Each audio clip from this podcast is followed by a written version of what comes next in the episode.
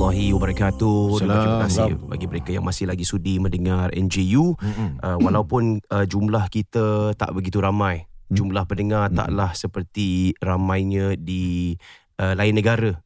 Tapi begitulah keadaannya. Segenggam akan masuk syurga. Oh, Tapi Allah. bukan kita lah. tak, tak tahu pun kan. Tak, tak, amin, pun tak boleh cakap bukan kita juga. Ya, ini rahsia Tuhan lah kan. Ya.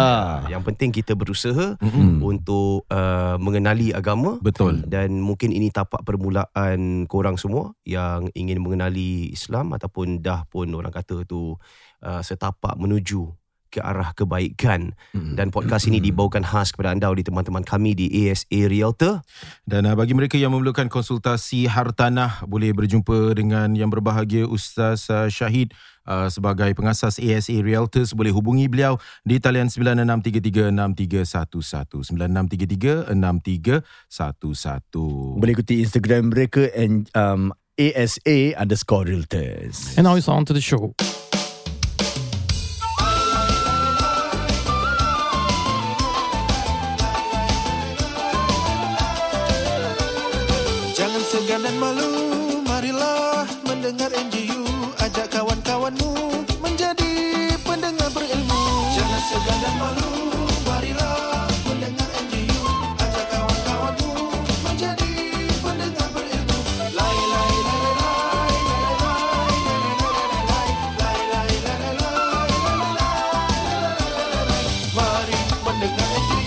Kembali dalam podcast uh, NGU Non-Judgmental Ummah Non-Judgmental Ustaz Non-Judgmental Ustazah Mm-mm. Non-Judgmental UNI Non-Judgmental uh, University tak juga eh Kita bukan Ah. universiti eh Ya. Tapi boleh juga lah Ada budak universiti dengan Usahawan boleh usahawan. Usahawan Non-Judgmental Hmm. Usahawan Non-Judgmental U- Ushers. Oh, ya, Ya, ya, ya, ada ya, ada, ada betul, juga, betul, Asia. betul, Uh, betul, ya. Non-Judgmental U- Um, United Nation Besar sangat Besar sangat UNI Ya ya. Yalah tadi, tadi. Uh, dan kita bersama dengan teman-teman kami uh, dan seperti mana yang ramai ketahui kami sedang melaksanakan dan juga mengumpul nama bagi penembahan kambing di tiga negara yang berbeza Yes. Uh, di Kota Semarang Indonesia yang mana Ustaz Nuzan baru saja kembali pulang. Terima kasih memberikan sedikit sedutan menerusi social media. Kita lihat keadaan di sana Mm. um, keadaan struggle orang-orang sana. Yup. dan ini bila kita lakukan korban tu kita nak juga teman-teman kami yang telah pun membuat penempahan untuk merasa kesyukuran yang mana kita diberikan eh pada uh, daripada Tuhan Azza wa Jalla ni uh, yang mana kita sangat-sangat bersyukur Mm. dilahirkan dalam keadaan yang okey lah kan. Mm. taklah begitu mewah-mewah tapi mampu untuk uh, Cukup makan lah. Insyaallah untuk segala-galanya. Uh, tapi bila kita lihat uh, keadaan orang di luar negara, ada yang tidak orang kata tu tidak mampu untuk membeli uh, satu normality di sini iaitu se- seperti contohnya uh, ialah kambing Daging. untuk daging untuk kita makan dan sebagainya. Ini satu perkara yang membuat kita kembali untuk muhasabah dan untuk kembali bersyukur sebab uh, actually dalam apa yang saya rasakan happiness is actually is in giving. Hmm. Kebahagiaan sebenar-benarnya adalah dalam kita memberi. Mm. Dalam pada kita seharian mencari kita ingat gaji yang besar tu satu kebahagiaan. Kita ingat pangkat yang tinggi tu satu kebahagiaan. Kita ingat nama tu satu kebahagiaan. Tapi dia kebahagiaan yang temporary saja. Dia dopamine hit dopamine hit tu last berapa minggu saja kemudiannya kembali seperti sedia kala. Hmm, hmm. Rasa jiwa masih lagi kosong dan Ya. dalam pengisian hati tu adalah dalam pemberian Betul. dan dalam ibadah kita sehari-harian. Mm. Betul, betul. Dan uh, hari ini kita bersama dengan siapa ni Ustaz? Baik, Alhamdulillah. Itulah dia erti hidup pada memberi. Eh. Bila kita ada satu pemberian tu, kita rasa satu kepuasan juga. Ya Uh, di samping ibadah di sisi Allah sebagai penghapus dosa kita diberikan setahun oleh Allah SWT dengan segenap nikmat yang banyak Hmm. jadi insyaallah Hmm. pada hari raya haji ni salah satu cara untuk kita melambangkan memanifestasikan kesyukuran kita kepada Allah adalah dengan melaksanakan ibadah korban jadi pada pertemuan kita ini Hmm. alhamdulillah bersama sahabat kita Hmm. saudara Hussein Musyaf how are you brother InsyaAllah, Alhamdulillah. I'm Alhamdulillah. fine. Mhm. ya saudara Hussein Musyaf ni adalah seorang yang bekerja di Singapura Mm. uh, for 19 years you have been uh, Mm. in Singapore Yeah. and uh, beliau asal daripada kota Dhaka Hmm. di mana kita NJU Ya. telah mengenal pasti tempat-tempat yang susah, tempat-tempat yang bererti dan bermakna untuk kita berikan agihan korban Ya. dan beliau ini Hussein Musyaf adalah seorang penduduk daripada sana yang telah bertugas di Singapura selama ini dan Hmm. kami dapat uh, mengenal pasti beliau dan dapat uh, menghadirkan beliau untuk kita sama-sama mendengarkan Hmm. bagaimana keadaan di kota Dhaka. Kita, pa- uh, my brother, uh, what do we call you? Hussein or uh, Musharraf? The Hussein Musharraf. Hussein Musharraf. I call you Yeah. brother Hussein. Is that okay? Uh, Hussein also can, inshallah. Hussein. So for Inshallah. 19 years, you've been working here in Singapore. Yes. Like, what do you work as? The, at first, I want to work in the construction site, Mhm. then Mhm. construction the general worker. Mm-hmm. After I the supervisor is the plumbing. Mm-hmm. The now is the excavator operator Mm-hmm. for the another company. So how is your stay here in Singapore? 19 years you've been working here. How do you feel? The 19 year inside is uh, the 15 year is Singapore working, Mhm. then. 4 year I is Bangladesh. Is the- Ah, I see. uh, When just was- only the leave. Sometime is the one year like this. Mm. But how is it like working here in Singapore? Are you, you happy? Hmm. Are you okay? Alhamdulillah. Alhamdulillah is the happy because uh, the my health and my body is everything is okay. Then money also is good. Alhamdulillah. I see. Mm. And when was the last time you actually went back to your village in Dhaka? Was it so- uh, sometime recently? Mm, the, before I just two year before I going back to the Dhaka. Mhm. Then again the August uh, 17 again I go. I already the ticket booking ready. By Oh, this ready. coming August? The, uh, just coming is August. I again I go. Oh. So the last time you went to Dhaka was two years ago. yes, That was before COVID. yeah yeah. Oh, then how was back then uh, when you actually went to Dhaka? How was the uh, situation in Dhaka? Everything okay? Alhamdulillah. How Mm. was it like?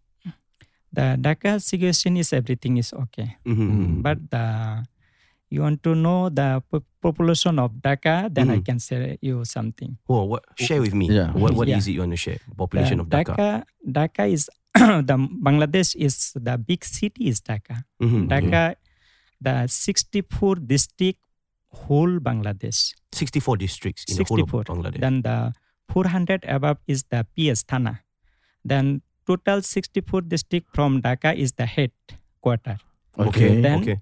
all the district is poor people have, rich people have. The lot of people their target is Dhaka going, they are the success.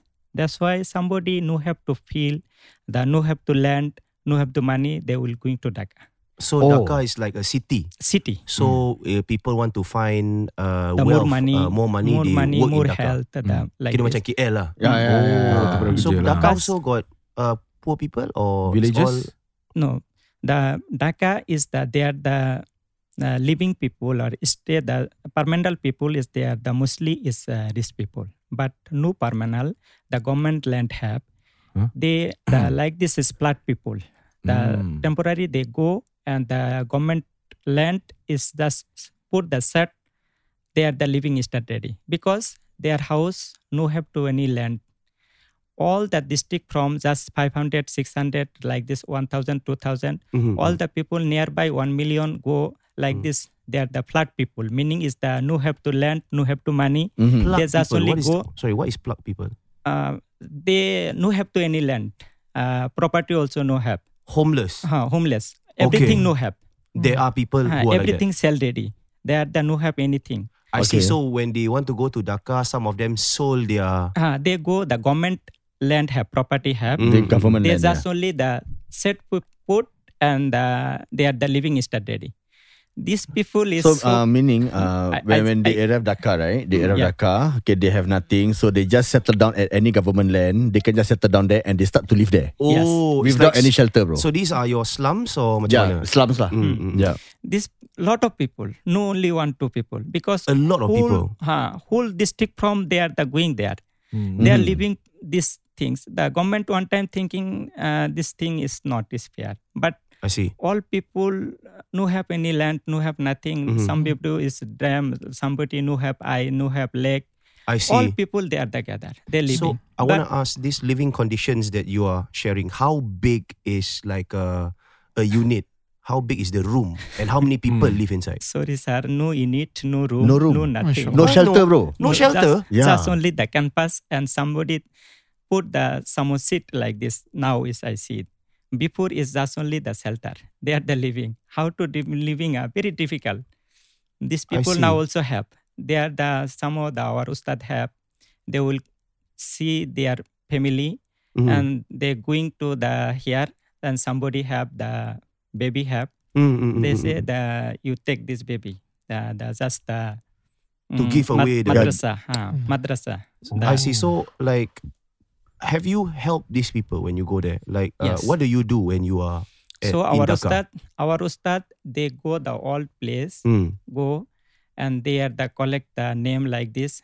Example here, shelter have Mm. the 2000 people have, Wow. 1000 people have, Wow. 500 have. Yeah. All the shelter they go and collect the name or whatever like this name. Yeah. After the meat or the sometime dress, sometimes some money, sometime food, Mm. everything our ustad they give. And that their baby also collect the madrasa I see. because their baby also no have property, no have nothing. Yeah. I see. Ah. Mm, mm, mm. This is life is very difficult. Is there work in Dhaka? Mm. Is it hard to find work? They just the working labor working somebody the just only the makan sleep Mm. they're thinking enough ready. I see. I So see. basically, when they go to work in Dhaka, Hmm. so they are sometimes they are, they don't get paid, but they just give you food to eat. Yeah. That's your salary, bro. Oh. That's your income. what do what do people uh like these people who live in these slums? What do they eat every day?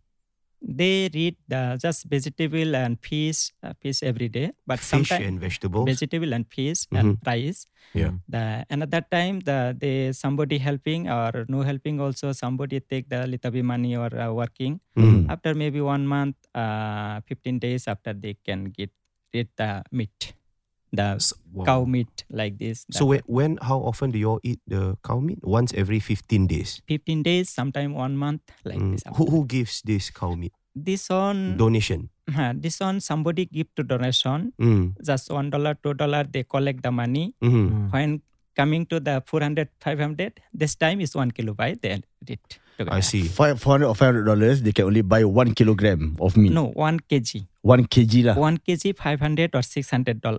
Mm, Wait, one taka. kilogram of meat is 500 or 600 dollars. Tu mahal. One kg. One kg is 400, uh, 500 or 600 is Bangla money. Oh, Bangla money. Oh. Bangladesh money. So Yeah. this compared to fish, how much more expensive? The this one Two compared times, three times? the one kg fish is uh, hundred dollar. Mm-hmm. Then the one kg meat is six hundred dollar. Six times the enam kali amount. ganda. eh. One in Whoa. six. Why is the meat so expensive in Dhaka?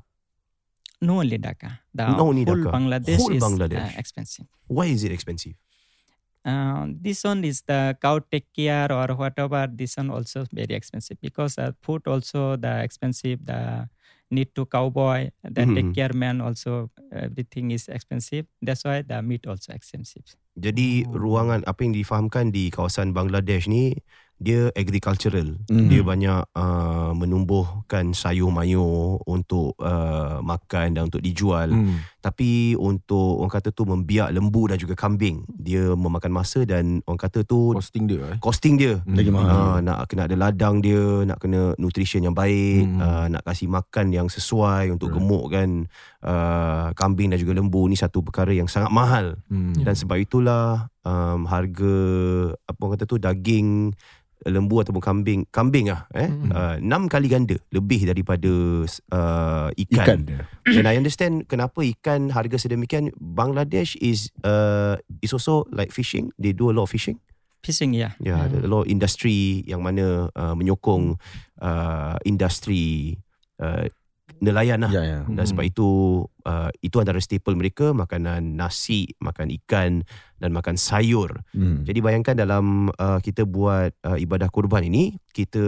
memberikan mereka uh, sedikit peluang eh untuk uh, sedekah dan juga um, orang kata tu dapat menjamah lah um, daging kambing yang akan ditempah oleh teman-teman kami yang ada di sini. So total kita dah pun sebenarnya tempah 400 ekor Hmm. Yang sedang mendengar boleh uh, menempah kambing yang telah ditempah. Kenapa kita in advance dulu takut macam dah nak dekat uh, korban tu uh, tak cukup untuk Hmm. kita membeli dan seumpamanya. Ya. Dan boleh saja kalau bagi mereka yang nak menunaikan ibadah kurban bersama-sama dengan NGU di Bangladesh boleh saja pergi ke laman www.ngu.sg garis miring shop. Mhm. Uh, kembali kepada uh, Hussein, saudara Hussein kita ni. Ya, Brother you, Hussein. Ya, brother Hussein. You have a family in Dhaka or all your family is here? How how is it? No, full family is not in Dhaka because Okay. Dhaka is the main city. oh, I see. I is the my district is Jamalpur. Ah, I see. But you still go to Dhaka? Dhaka, yes. Why do you still go to Dhaka? Although your family is in. Now another family have. Oh, Oh, my- have another family have. My yeah. the cousins have Oh, your cousins are still in Dhaka. Dhaka Why are they not away from Dhaka? Got because business there. uh, they are the business. They are the high quality. I see. But he also stays same district is the Jamalpur. uh-huh. Now he living the Dhaka. But I also sometime ticketed I going to Dhaka, but Mhm. uh, somehow expensive. That's why I holding. Uh, later any money or whatever is the easy, then I can go. How many uh, Muslims are there in Dhaka? Like the population of Muslims, Dhaka. Uh, Muslim the or whole Bangladesh is same. The Mus- mm, Muslim 99%, country. right? Muslim is the Muslim. 100% The yeah, eighty. No, sorry, ninety-five percent is Muslim. Then five Mm. percent is the another Hindu Mm. and the Christian Buddha have. They a lot of place have. They know together. Hmm. I see. I see. So your mazhab is uh, Hanbali? Is No, Hanbali the, my mazhab is the Hanafi. Oh, Hanafi. Mm, mm, mm, mm, mm. Nice, right. Yeah. And how is it like uh, when you have you ever celebrated Hari Raya Aidil Adha in Bangladesh or have or these 19 years you only celebrate it in Singapore? Sorry, the, Uh, have you ever celebrated uh, Idul Adha in Bangladesh Kurban. Hmm. Kurban. before Kurban? yeah, kurban. eh, Before Ever. I give the Mm. kurban. Share with me how how is it different in Bangladesh uh, for Kurban? Hmm.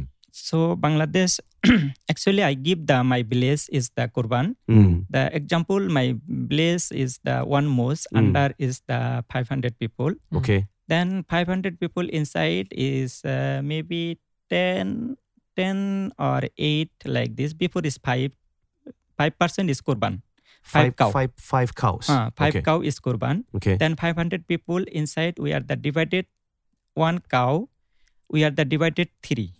Then One cow divide into Divide into three. three Three. parts. uh, three part. Uh, The one part he uh, we take ourselves. Okay. Who is kurban? He take one part. Okay. Then another part is the who, who have how many have the relationship, Mm. the brother or sister or whatever relationship. Yeah. They give to the them. Okay. Then one part, the three in one part Yeah. give the whole locality place. Mm. Then Mm. five cow mm, sacrifice Mhm. the kurban. Then five cow everybody is two part take. One part oneself, one part is the relationship, I and one part is the locality, the Mm. blessed people. Is it a very happy time Mhm, during Happy time, Kurban? ah, Mm. kurban time. The kurban time, our system. Mm. So one part, uh, five cow, five part together. Mm. Then after everybody give, maybe the one person so funny, ah, Uh-huh. the 100 gram like this, 200 gram, Or Oh, just One 100 or person. 200 gram. One eh? person get about 100 or 200 grams. Ah. yeah, like this. How big is 100 gram? Ah? How, how big is it? I think just only the Sikit bro. small like Sikit this. eh. Satu genggam je. Begitu keadaan Hmm. orang kata tu korban di Bangladesh yang mana cara mereka meraihkan uh, bayangkan dalam satu seperti mana Saudara Hussein mengatakan eh Hmm. dalam satu masjid tu dia buat lima uh, korban lima ekor lembu kemudiannya sepertiga uh, bahagian mereka sepertiga bahagian kepada sanak saudara dan seumpamanya Hmm. yang mana mereka pun dalam kesusahan tau Ya, ya. dan sepertiga lagi untuk uh, orang Okay. orang-orang kampung yang hadir Hmm. dan seorang tu bawa balik macam 100 gram 200 gram je dan kalau dapat berikan gambaran dia macam ibarat secubit nasi Yalah. begitulah keadaan seorang yang mendapat secubit nasi saja Dan kalau kita dengar eh bagaimana macam yalah ada retorik orang-orang mengatakan apakah perlunya lagi korban pada Oh, tahun ya. 2022 Uh, kenapa tak bagi duit sahaja kenapa tak disedekahkan sedemikian rupa Hmm. untuk you know tapi bila kita lihat pada konteks uh, anecdotal uh, sharing daripada orang-orang yang tinggal di sana sendiri bayangkan kegembiraan yang dijana dalam satu hari itu seekor lembu dapat dibahagikan kepada berapa ramai orang dan walaupun segenggam atau secubit um, daging yang mereka terima um, ini adalah satu orang kata community eh Hmm. uh, yang mana mereka agih-agihkan daging Hmm. dapat merasa kerana pada setiap hari mereka hanya makan uh, nasi makan ikan itu pun kalau ada ikan dan sayur, Sayur. mayur. Bayangkan diet korang semua setiap hari sedemikian rupa. Dan pada satu hari dalam banyak-banyak hari itu kau dapat rasa segenggam daging. No, ah, Beza luar biasa eh. Sebab kebahagiaan ni kita lihat dia ke, dia yang adilnya tentang uh, orang kata tu adilnya tentang Tuhan ni uh, bila kita lihat bagaimana um, kebahagiaan itu dia disamaratakan. Tak kisah yang tua ataupun yang muda, yang kaya ataupun yang miskin. Lenanya tidur tu tak kisah kau tidur atas king call yang mahal ke, kau Mm-mm. tidur di tepi jalan ke, lenanya sama. Kenyangnya seorang tu makan nasi yang biasa versus makan caviar sekalipun kalau dua-dua masih orang kata tu perut Kenyang sembuh lah. ah kenyang dia sedemikian rupa. Dia rasa kenikmatan tu hampir sama rata. Dan begitulah keadaannya kita ingin menyamaratakan kenikmatan yang diterima oleh penduduk-penduduk di Bangladesh terutama sekali di Dhaka. Bayangkan itu bagi di kampung Husin Mm. yang mana Yes. terdapat orang kata tu your your uh, your village is uh, I would say better off than some of the people in Dhaka who's living in the slums. Tapi ini kita lakukan korban untuk orang-orang di Dhaka Mm-mm. dan terdapat senarai um, madrasah, sena, uh, senarai um, Orphanage. Orphanage. orphanage yang uh, kita ada yang akan di, diagihkan. Berapa berapa ramai uh, tempat yang akan diagihkan tu? Uh, saya kalau tak silap dalam orphanage tu ada dalam lebih 30 orphanage. Ya. Ha, itu 30 setiap orphanage bagi 400 ekor Betul. kambing. Bayangkan it goes a long way. Betul. Mhm. It goes a long way. Dan dan uh, mereka begitu sistematik sehingga kan mereka memberikan token dahulu. Ha, sekarang Hmm. ni token dah diagihkan Okay. kepada slums, kepada orphanage yang mana mereka akan pastikan bahawa set, bila dah hari raya haji kerana orang akan berkerumun, Mhm. orang akan begitu banyak. Jadi token-token yang telah mereka capkan dengan mohor Ya. yang dikeluarkan untuk memastikan bahawa mereka mempunyai agihan. Hmm. Jadi pada hari tersebut kegembiraan, kemasyarakatan, kepuasan tu ada uh, dan kita selarikan dengan uh, kesempurnaan dalam kita merancang uh, untuk kita buat agihan. Itu yang satu benda yang menarik. This is something yang saya tak pernah uh, lihat dan tak pernah saksikan and I've seen the uh, videos of it dan kita akan kongsi di laman sosial NGU yang mana mereka telah pun agihkan it's like a coupon Hmm. that has been stamped Mm. and uh, orang-orang yang betul-betul memerlukan diberikan eh Betul. seorang sekeping setiap keluarga diberikan sekeping yang mana mereka akan gunakan that's like gold Mm-mm. literally yang mana mereka Ya. akan pergi ke pusat-pusat pengagihan Hmm. uh, korban ini untuk collect uh, po- their portion of meat Hmm. yang mana this portion of meat uh, dibiayai oleh teman-teman pendengar kita Betul. yang membeli bayangkan 400 ek, uh, 400 ekor kambing Tak cukup lah. but actually tak Actually cukup tak lah. cukup. Seriously. tak cukup Yeah, but true. but I was surprised to see the list of uh, Yeah, you know of the orphanage yang ada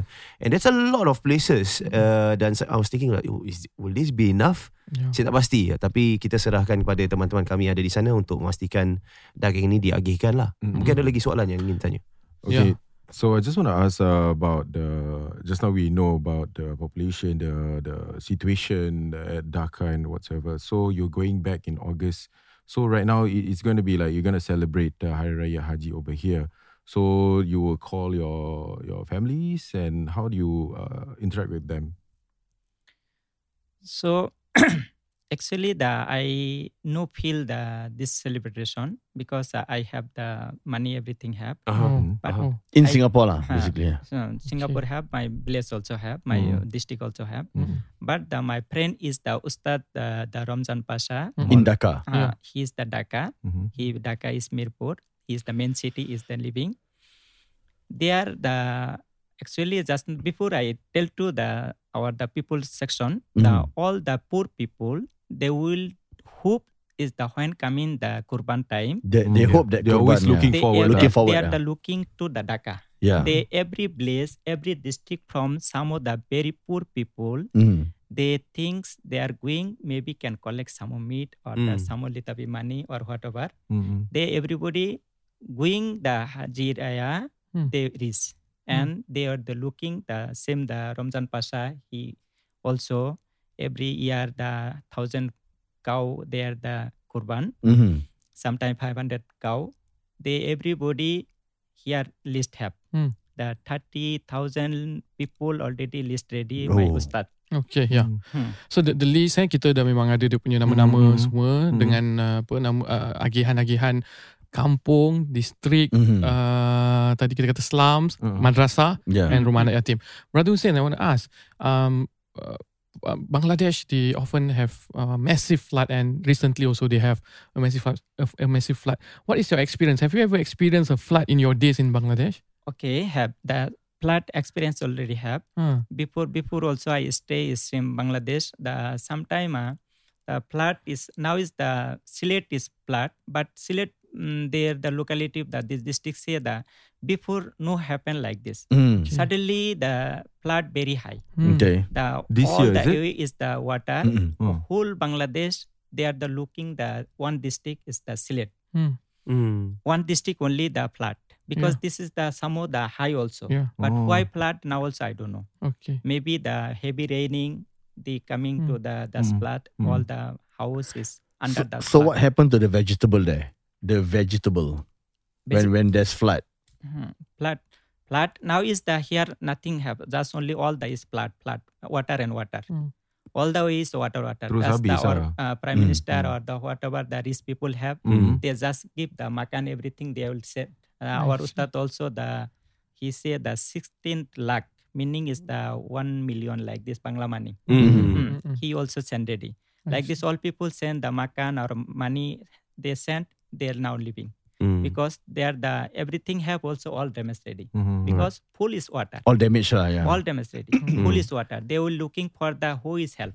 Mm-mm. I see. Mm-mm. Well, Hussein, thank you so much for sharing uh, what is happening in Yeah. Bangladesh. Yeah. Uh, Hussein pastinya telah pun 19 tahun bertugas di Singapura dan akan pulang ke Dhaka pada uh, bulan uh, Ogos nanti dan menerusi teman-teman beliau kami melaksanakan ibadah kurban di Bangladesh.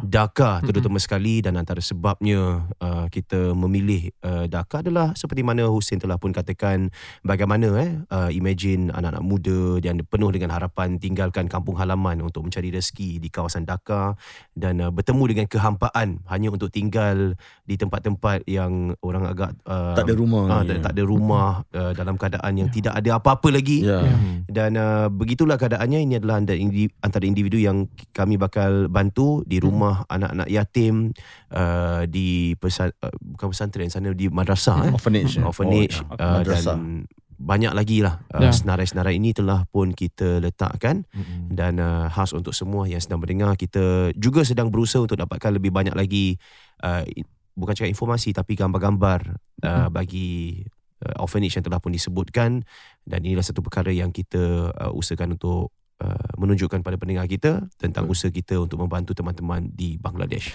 Dan insyaAllah uh, keadaan mangsa banjir yang akan walaupun tidak secara langsung di Dhaka Mhm. tetapi pengagihan kami telah kami pastikan bahawa akan ada mereka-mereka yang hadir pada ketika itu untuk mendapatkan kupon-kupon tersebut. Hmm. Jadi uh, kami mengalalukan untuk bersama-sama kita mendoakan supaya saudara-saudara kita di kaum muslimin di seluruh pelosok dunia dengan ibadah korban ini kita dapat bersama-sama uh, membantu, dapat bersama-sama berkongsi perasaan dan apa yang dapat kita uh, agihkan insya-Allah.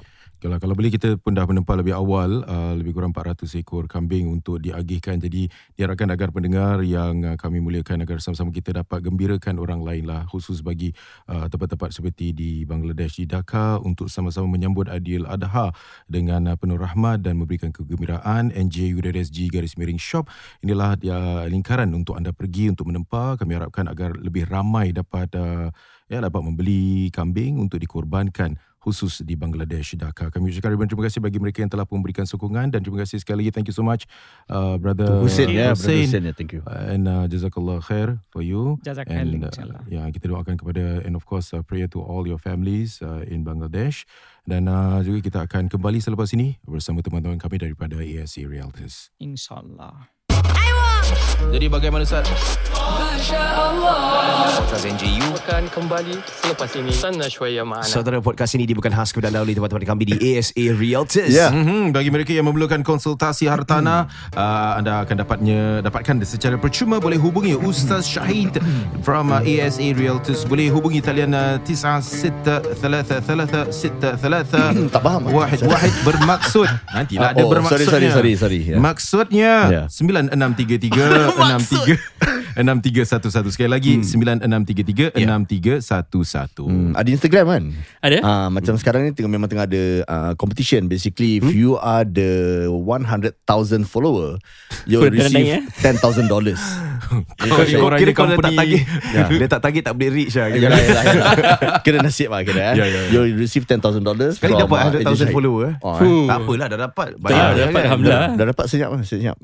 Eh. Boleh tak kita cakap sekarang Kalau dapat 100,000 follower Boleh kita kira dapat 100,000 follower Kita jualkan rumah dia free lah Ah, the 100,000 Jualkan follower. rumah dia free. ha, Kita Why tak not? Why not bro? 100,000 Oh tak follower. payah Tak payah kom Okey, ah, tak payah kom, ah. Tak payah kom. Okay. Jadi Jadi jangan lupa. Ustaz berbual ni Ustaz berbual tak Ya. ada tipu Takkan nak bohong. Ah, tak bohong. Sekali like next 5 years Ah. really hit 100,000 dia korek balik podcast lama eh. Ah. Ustaz cakap ada. Boleh Saya boleh ada. insyaAllah Boleh eh? Boleh silakan Ah, Kali kena Ejen Syahid Ejen Syahid macam ah, Yelah memang ada Tak apalah Yang ni tak payah bayar kom lah Tak apa Dia gitu By eh that time dia dah promo kat Dah Malaysia fly, dah semua. fly dah. Dia dah jual rumah-rumah sebuah. Rumah Hmm. Dubai dia dah settle Oh, Settle Rumah dah. Dubai Dah jalan rental Dubai. Oh. And kalau gitu Jangan lupa ikuti Instagram mereka ASA underscore Realtors Yes Kita juga bersama dengan team uh, ESA Realtors Farhan dan juga Tuti dalam studio apa khabar? Ah, baik, Alhamdulillah. Dan uh, mereka ada beberapa perkongsian eh. Silakan Din mungkin nak bertanya sedikit. Baik, uh, Tuti memang terkenal uh, dalam uh, warga-warga budak-budak motor. Oh Siapa? Kira minyak Tuti. Tuti. Oh, ya. Betul eh kalau bawa Vespa dia Ya, betul, saya bawa. Vespa eh. Ya. Memang Tuti ni penting lah kelancaran enjin tu. Nah, Itu macam motor gitulah. Itu motor perlunya. two stroke Itu perlunya ESA. Perlunya ada Tuti. oh, Oh. Jadi ESA boleh go fly. Oh. Ya, sebab itu. Pasti. Baik, uh, ni ada pertanyaan sikit sebanyaklah perbincangan mengenai uh, penjualan rumah, experience pengalaman Ya. dan uh, ada juga antara rumah-rumah ni kita tak tahu sama ada rumah ni kosong ke, rumah ni ada barang ke, ada hantar barang, ada kunyit ke kat dalam ke kita tak tahu. Jadi mungkin nak uh, share sikit lah sebanyak tentang mungkin pengalaman penjualan rumah yang ada hantu ke ataupun kita, Hmm. uh, macam mana sebagai ejen-ejen korang ni dah tahu in advance rumah ni berhantu lepas tu jual ke macam tiba-tiba dah orang dah beli lepas tu eh alamak ada hantu macam Setahu mana? saya dalam Islam tak ada hantu. Kan? Cuma ada jin saja. Ah, ya, Minal- sah, minal betul. jinnati wan nas. Fuh, Masya Allah Itu Baik, surah pendek tu Mak bapak mak bapak saya marah bila cakap ada hantu. Mana Oh. ada hantu? Mm-mm. Kita tak boleh percaya dengan hantu. Betul apa apa pendapat Islam tentang hantu? Ah. Pendapat Islam eh Hmm. Memang dia wujud dari nama je lah Nama je kita eh, Dalam Islamic terminology Kita panggil jin Okay ha, Cuma hantu tu More Melayu Melayu lah. Melayu lah. Ha, Tapi kita percaya yang makhluk itu ada Ataupun wujud Ada Ah. pakcik kedai kopi bilang saya ni Hmm. Saya lepak dengan pakcik-pakcik ni lah. Ah. Hmm. Tak tahu mendalam ke tak ilmu orang ni Okay. Dan Ya. cakap hantu ni sebenarnya apa Jin tapi dia nak menyesatkan manusia Dia menyerupai jadi puntianak lah Dia jadi pocong lah Dia jadi Langsui. toyo lah Dia jadi langsui Jenglot. lah Ada jadi jenglot Untuk menyesatkan manusia dia cakap Ini Ah. semua marketing jin sebenarnya. Eh, Ah, macam mana pendapat uh, ustaz ataupun teman-teman kami Ya. tentang uh, hantu ni dalam Islam? Dalam Islam eh Ha. Silakan Ustaz Ustaz Ada apa pendapat tentang hantu Kita harus ada forum eh hantu dalam Islam. Oh, eh. Mesti Bagus orang ni. beli tiket. Ya, eh. ada orang boleh tak terima tau Ada yang cakap memang ada hantu Oh ya. Dia ke? punya pasal lah Buat Yalah, podcast sendiri lah Oh, yalah, yalah, yalah. Teruskan Cuma peliknya Kita tak tahu eh Mungkin dalam uh, Bangsa-bangsa lain Ada tak eh Selalunya Melayu yang macam nama dia banyak eh Hmm. Nama-nama ada lah. hantu Hantu ghost tu semua ada apa? Cina ada Ada, Ada. tiga, eh? tiga jenis hantu Tiga Ah, je? ya, Dia Yang lidah dia terjelir panjang tu Seram sah uh, Dan juga Yang zombie eh uh, Ya yang zombie Yang Ah. tapal paper kuning Ah. Itu tak Ah, seram sangat tu Dan juga uh, baby Baby Hantu baby Oh baby seram. Oh Dah macam spider Terbalik Ya. spider tu Teruskan Tentang hantu dalam Islam ni Ya, yeah, I mean personally I feel that ada eh, kita perlu percaya yang jin tu wujud dalam Ah. Al-Quran pun dah dinyatakan, Hmm. dalam uh, hadis pun dinyatakan. Hmm. Cuma dia punya form tu lah. Uh, whether macam apa yang kita bayangkan sekarang tu betul ke itu dia punya form Hmm. yang mereka uh, akan uh, tampil dan seterusnya lah. Ya, ya. Uh, Farhan bagaimana Pernah menjual rumah Yang ada hantu Jin di dalam? Ah, jin. Bagaimana? Ya.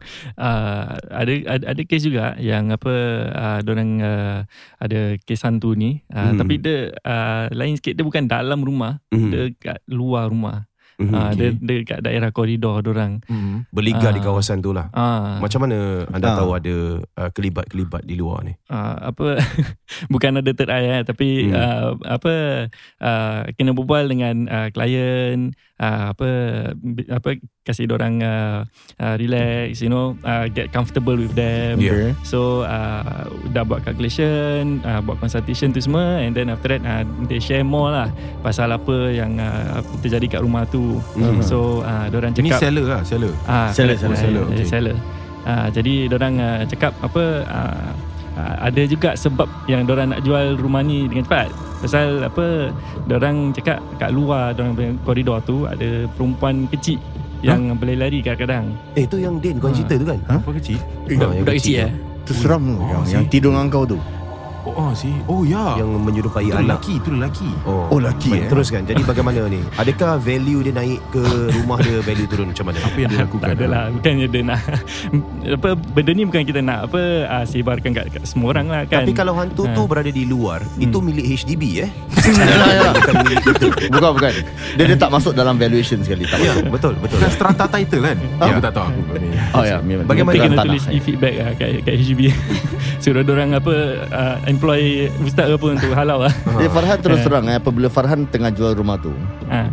bila pembeli datang, Ha.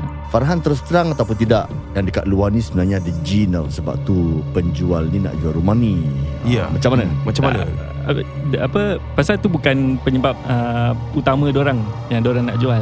Uh, so kalau orang ada apa kalau pembeli datang nak tanya kalau ada uh, apa ada hantu ke ada apa-apa kejadian pelik ke hmm. uh, nanti baru kita kena bilang lah. Kena bilang? See, I see. Kalau tak Tak kalau boleh dorang- bilang. Kalau tak Orang jujur. Ha? Jujur punya orang. Kalau cara saya ni bukan mengajar eh. Hmm. Ni cara saya pasal saya memang pandai kelentong. Kalau kakak nak cakap pasal jin kat luar ke kat rumah, kat mana-mana ada jin. Betul, betul. Sekarang kat Awas, sebelah kakak pun ada jin. Kat dalam kakak pun ada jin. Itu dah saka, saya, kan? ha, saya baca dia akan Korin dia akan naik. Ah, jadi saya bukan nak jadi ustaz lah kak. Kalau ustaz ni ejen syahid dia memang ustaz lah. Hmm. Tapi saya bukan. Kalau kakak nak beli rumah ni, kakak beli kita niat kita ikhlas. Bukan hat, bukan baju yang nak sembayang kak. Hati yang ikhlas tetap menghadap Tuhan kak. Fuh, Macam itu. Piramli eh. Ah betul lah. Stop it Ah, lah. ustaz-ustaz dah kata apa? Apa ada doa-doa tak yang kita boleh baca untuk menghalau jin? Untuk menghalau eh. Menghalau. tadi kau baca betul lah tadi. Ha, apa? Ya. Minal jinnati wanas tu. Itu surah An-Nas kan? Ya. Ya. Ah, Okay. Apakah Sebenarnya kita tentang- baca surah An-Nas ni dia akan lari? tentang, tentang, Sebab sahabat saya nak kongsi Ah. ada eh ber- Ah. beberapa pakar-pakar dalam dalam usaha untuk menghalau mereka membaca beberapa surah-surah dan kemudian ni dimomok-momokkan oleh jin macam eh kau baca pun salah kau baca pun salah okay. saya pernah melaluinya okay. perawat saya kalah sebab yang barang dihantar Indonesia punya kalah Baik, baik. Dalam Al-Quran Allah SWT sebutkan tentang kewujudan kewujudan makhluk ni. ya Tentang tadi apakah kita boleh melihat atau tidak. Itu Ya. menjadi perbincangan besar antara ulama. Dalam Al-Quran surah Ahqaf ayat 27 Allah sebut innahu yarakum huwa wa qabiluhu min haitsu la tarawnahum. Hmm. Maknanya kamu eh, mereka melihat kamu, mereka dan kelompok mereka jin. dia Sehingga tapi kamu tidak dapat melihat mereka. Dan perbincangan ini ulama kata adakah tidak dapat melihat langsung sehingga sekarang ataupun ada orang-orang yang Allah berikan keistimewaan ayat ini tidak mengkhususkan tetapi hanya mengumumkan. Dan ada peristiwa di zaman Rasul sallallahu alaihi wasallam di mana uh, dari kalangan jin ni menyerupai anjing dan Nabi SAW menthabitkan menyerupai uh, manusia Hmm. pada peperangan Badar dia menyerupai salah seorang daripada sahabat dan pergi kepada kem lain ui sehingga demikian dan ini sabit dalam sejarah hmm. jadi kesimpulannya eh, di sini adalah satu kelicikan eh, permainan antara jin seperti mana yang tadi Razi dan pakcik-pakcik yang dia Ya. duduk bersama tu mengatakan uh, mereka telah wujud ribuan tahun ya daripada zaman Nabi Sulaiman Nabi Adam alaihi wassalam. Maknanya teknologi mereka pemahaman mereka tentang manusia tu mereka tahu macam mana masih nak meng- mengelentong dan menipu manusia. Hmm. jadi untuk kita balik kepada isu rumah tadi tu ya. uh, Nabi sebut janganlah taj'alu buyutakum qubura. Jangan jadikan rumah kau ni satu benda yang sepi seperti kubur. Dalam satu riwayat solat berjemaah. Okey. Dalam satu riwayat baca suratul baqarah. Hmm. kerana jin dan makhluk-makhluk seperti ini tidak suka bacaan suratul baqarah. Kalau tak boleh mampu suratul baqarah baca tiga kul yang kita, selalu kita sebut ya azan dan hidup dekat rumah tersebut dengan cara Islam dan percaya bahawa kita ini khalifah Allah di muka bumi. Bukan kita nak cakap superior but kita semua adalah makhluk yang Allah jadikan untuk sembah Allah. Jadi Hmm. kalau kau ganggu dia dengan bacaan ayat Quran kita tu kita kena berani cakap dengan dia. Kalau kau Hmm. ganggu dia, engkau berdosa, engkau akan diazab oleh Allah SWT. hmm. Kau keluar kerana ini adalah satu gangguan. You breach the trust, kau buat satu kezaliman. Bertaubat pada Allah SWT. Jadi selain daripada bacaan-bacaan untuk menghalau, kena ada keberanian. Kerana ada, ada rasa jati diri sebagai khalifah Allah Hmm. yang mentadbir alam raya sejagat ini dari flora, fauna dan makhluk-makhluk yang lain. Bagi saudara Tuti bagaimana? Apa pengalaman dalam menjual rumah yang ada jin ni? Pernah ataupun bagaimana? Uh, pernah. Um, I was given the task lah. I was given the task to um, jual se, sebuah rumah Mhm. yang ibunya sudah men, uh, sudah mati, uh, sudah tiada di dunia kan. Meninggal dunia lah. Um, yang meninggal. dia bukan orang lah, dia ya. bukan orang um, Sama je, Thailand. ya. So yeah, so, so dia meninggal. Jadi uh, sudah enam bulan Hmm. saya tidak um, saya ditugaskan untuk menjual rumahnya. Mhm. Ah. Jadi in this case uh, saya tidak tahu yang rumahnya uh, ada gangguan. Okay. Jadi the first time I went inside the house, um, the whole the whole house went really cool. Mhm. Like you know the temperature is going to be different kan from outside and inside. So um, I actually felt really different once I Yeah. entered to the to the to the room at the back because this was a three three I and there's a Right. utility at the back. Hmm. So apparently the lead mother dia banyak buat sembahyang di dalam bilik itu. Hmm. Jadi uh, that is where you feel really cool. Um, Sembayang apa? Sembahyang apa? Ritual lah, ritual, ritual, ritual. agama. Yeah, Oh, the ritual lah. So according to the son, uh, she is a very religious person. Okay. Right. So, okay, that was one of the one of the um, experience or the encounter that I had. So the second one was when. So the first encounter you just feel cold. Yes, so the first time I entered the house. Okay. Okay. Jadi the second one was when I had to pre- uh, prepare the house for viewers to come because it was a it was a rumah kosong lah basically kan. Right. Jadi the second encounter was when I just stepped into the house. I was going towards the kitchen. The door suddenly just went shut. The main door. In the day or at night? Yeah, and the main door was kan kita tahu the main door is berat. You know? Right. It can't possibly forcefully shut by itself. Mhm. So that was the second encounter that I had. That's at Same night. house. At night. Uh, no, no, no, in will the never day. that. In the day. The day bro In the yeah, day. because there's nobody at home. Correct. Because sometimes you have the keys right to the house, right? Yes, I do. So Correct. when people want to view in the at night, so people can view. Ya ya ya ya. Yeah, so it depends on Lagi you whether uh, you want to do in the day or at night. Jadi bagaimana reaksi anda? Adakah ada azan Terkejut. ke mana? Um, of course, first first one was terkejut definitely, and then of course baca tiga cool definitely, and then um, I still have to proceed on with the viewings definitely kan. Um, I just exited the house and wait for the viewers to come. Ah. Jadi macam mana adakah anda juga memberitahu tentang ada Hmm. gangguan ke atau let them discover lah? Uh, for my kids, I let them um, discover Mhm, by mhm, themselves because uh, strangely, when the viewers come, the buyers ca- uh, Yeah. came over to the house, there Mhm. wasn't that kind of feeling. So I guess it, Hmm. maybe it was just me. Uh, dia tak, you know, uh, maybe the late mother was angry with me for selling the house. I'm not sure. Jadi uh, Tuti jual rumah tu macam Yeah. mana bila dah nak keluar rumah lepas viewing, macam mana you matikan lampu semua? Um, buka pintu, Aha. letak kerusi, kerusi sofa dia Okay. betul-betul against the the door, so Okay. it doesn't move. Then you switch off all the lights and everything ah. Yes, that's right. Now let me give you a tips. Macam tadi saya kasih tips kepada Farhan tadi. Ya ya ya. Okay, I give you a tips. Just on all the lights. Okay. asal? Bila nak matikan, nak keluar rumah, matikan dia punya main switchboard. Bam! Gitu je. Oh, dia main kat luar tu. Oh, Oh, Aku style je gitu. Dah malam pun sama. Tadi kan Ya. Tuti dah cakap Dia dah baca tiga cool Dah Oh. hilang lah tu Oh. ha, Dah tak ada gangguan Dah tiga cool Yalah, Ustaz yalah. Syahid dah ajar Tiga cool. Baik yang sedang mendengar Terima kasih kerana sudi uh, mendengar Hmm. uh, Dan pastinya teman-teman kami ni adalah Daripada ASA Realtors Naam. Dan cara untuk mendapatkan khidmat mereka sebenarnya Dan antaranya Farhan dan juga Tuti adalah uh, Di bawah naungan ASA Realtors Ya. Satu payung lah Betul Dalam of lain Dan ini adalah uh, nombor yang boleh dihubungi Untuk mendapatkan khidmat mereka 96336311 Bagi mereka yang dah dapatkan khidmat konsultasi Boleh jumpa diorang dulu Nak tahu pasal upgrade rumah, downgrade rumah Nak jual rumah macam mana Nak faraid macam mana Nak hibah macam mana Nak mudarabah macam mana Dan sebagainya Boleh hubungi talian 96336311 Dan jangan lupa ikuti Instagram mereka ASA underscore realtors.